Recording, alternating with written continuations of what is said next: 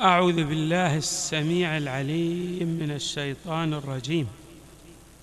بسم الله الرحمن الرحيم والحمد لله رب العالمين. والصلاة والسلام على أشرف الخلق سيدنا ونبينا محمد وآله أجمعين الطيبين الطاهرين. قال الله تبارك وتعالى في القرآن الكريم انا اعطيناك الكوثر فصل لربك وانحر ان شانئك هو الابتر. صدق الله العلي العظيم. الصديقه الزهراء عليها السلام هي الكوثر والعطاء العظيم والكبير الذي أعطي لرسول الله صلى الله عليه وآله الطاهرين. وحري بنا أن نتعلم من هذه الصديقة الجليلة بعض الدروس العظيمة في الحياة الزوجية. الحياة الزوجية تقوم على قواعد وأسس. من أهم تلكم القواعد والأسس الصبر. بمعنى أن كل من الزوجين لا بد أن يصبر على شظف العيش وعلى الأمور التي قد لا تعجبه في حياته ولكن الحياة واستقامة الحياة والإنجاز في الحياة يتطلب من كل من الزوجين الصبر. الصبر وبالخصوص في المجال الاقتصادي بمعنى قد لا تتيح الظروف للزوج أن يحقق كل ما تصبو إليه الزوجه فحري بها أن تصبر على الواقع الذي تعيشه إلى أن يفرج الله تبارك وتعالى بلطفه وبواسع كرمه عن الزوجين بمعنى يوسع عليهما في رزقهما. أكثر الإشكاليات التي يعيشها أو تعيشها الأسر ناتجة عن إشكالية الحياة الاقتصادية. بمعنى أن الزوج مثلا قد يكون الراتب بالنسبة إليه قليل وبالتالي لا يستطيع أن يلبي جميع الاحتياجات التي تتوق الزوجة إلى تحقيقها. من هنا تبدأ المشاكل بين الزوج والزوجة. صديقة الزهراء عليها السلام تعلمنا درسا في الحياة الزوجية من خلال الصبر على شظف العيش على الواقع الاقتصادي الذي يعني لا يتأتى للزوجه أن تلبي جميع ما تتوق إليه لأن الزوج لا يستطيع بواقعه الاقتصادي أن يدفع الكثير.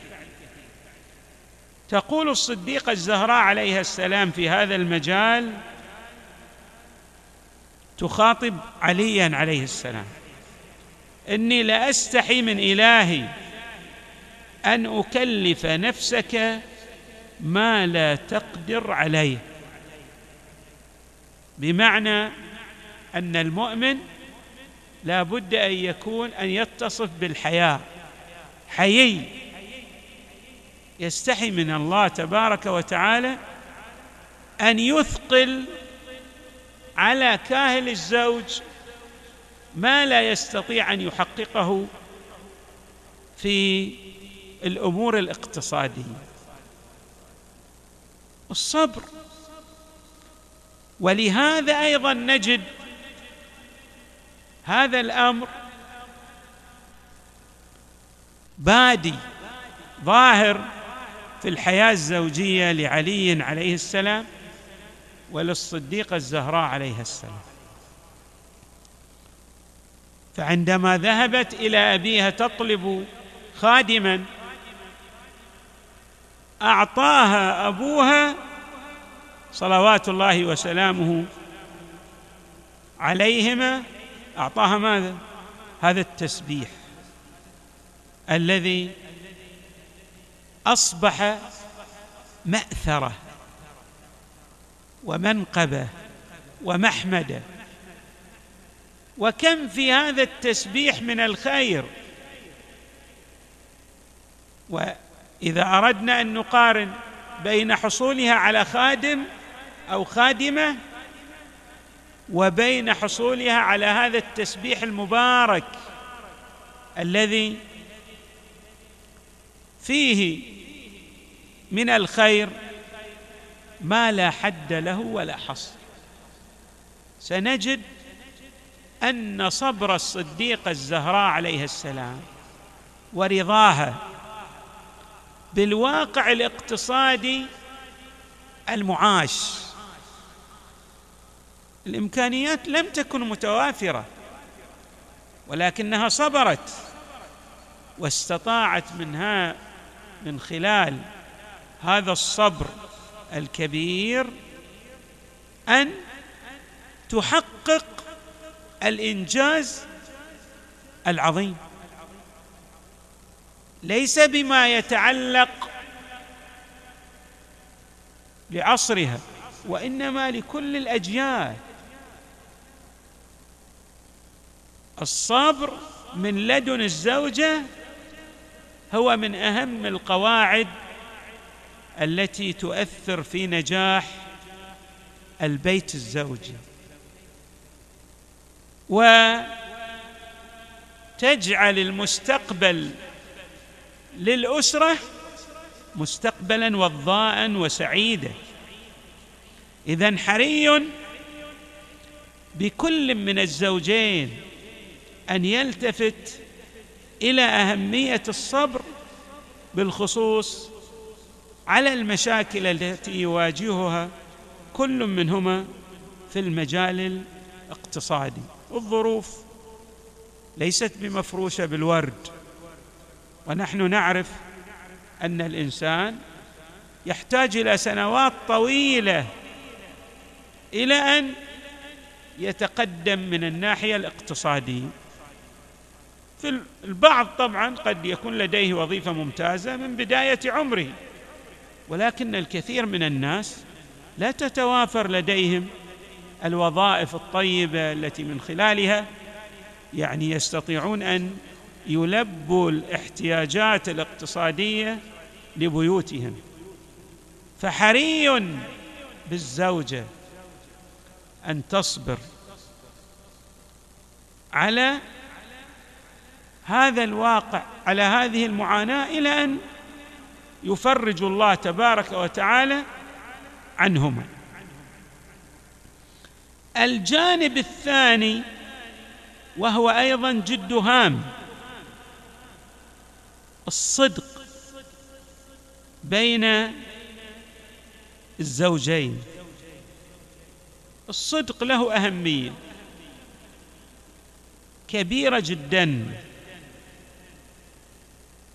والله تبارك وتعالى تحدث عن أهمية الصدق في عدة من آيات القرآن. بل وأمرنا أن نجعل هذه السمة هي السمة التي نسير على وفقها. واتقوا الله وكونوا مع الصادقين. نحن لماذا نسير على وفق مذهب أهل البيت؟ لأن الأئمة من أهل البيت يجسدون الصدق في الأقوال وفي الأفعال. يعني لا يقول ما لا يفعل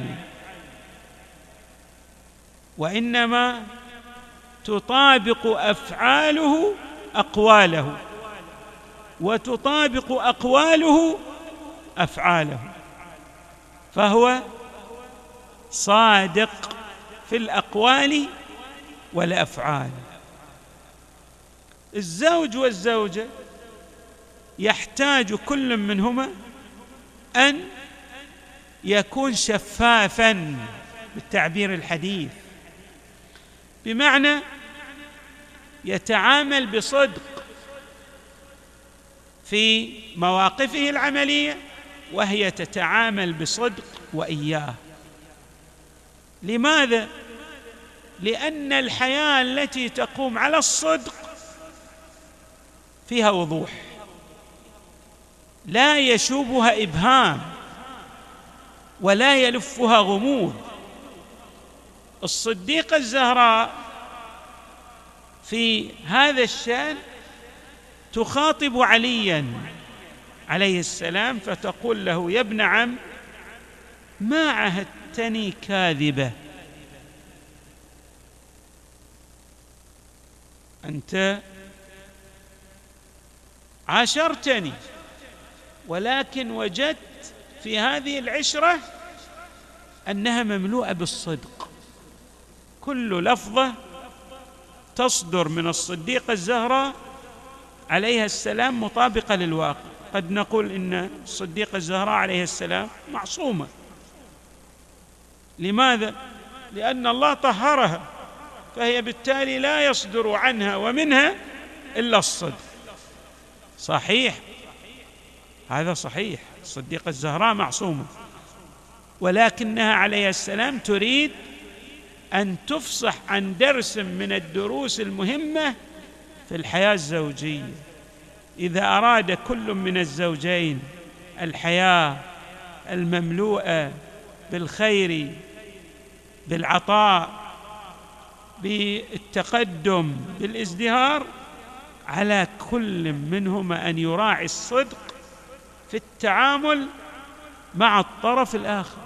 الزوج يكون صادقا في تعامله مع زوجته والزوجة تكون صادقة في تعاملها مع زوجها. إذا كان التعامل بين الاثنين ملؤه الصدق تعامل ملؤه الوضوح. ترى أن بعض الناس الزوجة لا تثق في أقواله وهو لا يثق في أقوالها. بالتالي هذه حياة يعني مهما قال أحدهما للآخر لا يصدقه الآخر. هذه حياة شنو؟ غير عملية. مثل ما نعبر يعني. كل منهما يريد تمشية الحال مع الطرف الآخر. ولكنها ليست مبنية على قاعدة صلبة وأساسية لأن القواعد الصلبة والأساسية هي الكفيلة بديمومة واستمرار الحياة الزوجية. فكما أن الصبر له أهمية فائقة في استمرار الحياة الزوجية كذلك الصدق. واتقوا الله وكونوا مع الصادقين لأن الصدق يعطي الإنسان الاطمئنان النفسي. خليه يعيش حالة ملؤها الاطمئنان والسكينة لأنه يثق بما يصدر عن الطرف المقابل. الزوجة تثق بزوجها والزوج يثق بزوجته. نعم قلنا إن الصديقه الزهراء طبقا لآية التطهير إنما يريد الله ليذهب عنكم الرجس أهل البيت ويطهركم تطهيرا. هي ما يم يعني في عالم الإمكان لا يصدر منها ذنبا ذنب. ولكن عدم صدور الذنب منها لعصمتها صلوات الله وسلامه عليها هي لا تتحدث فقط عن نفسها وإنما تريد أن تبلور لنا درسا تعطينا معلما قاعدة تتكئ عليها الحياة الزوجية السعيدة بأن الصدق معلم. كما قلنا قاعدة يتكئ عليها كل من الزوجين في استمرار وديمومة الحياة الهانئة والرغيدة. أسأل الله أن يجعلنا معها. ومع أبيها وبعلها وبنيها في الدنيا والآخرة وصلى الله وسلم وزاد وبارك على سيدنا ونبينا محمد وآله أجمعين الطيبين الطاهرين.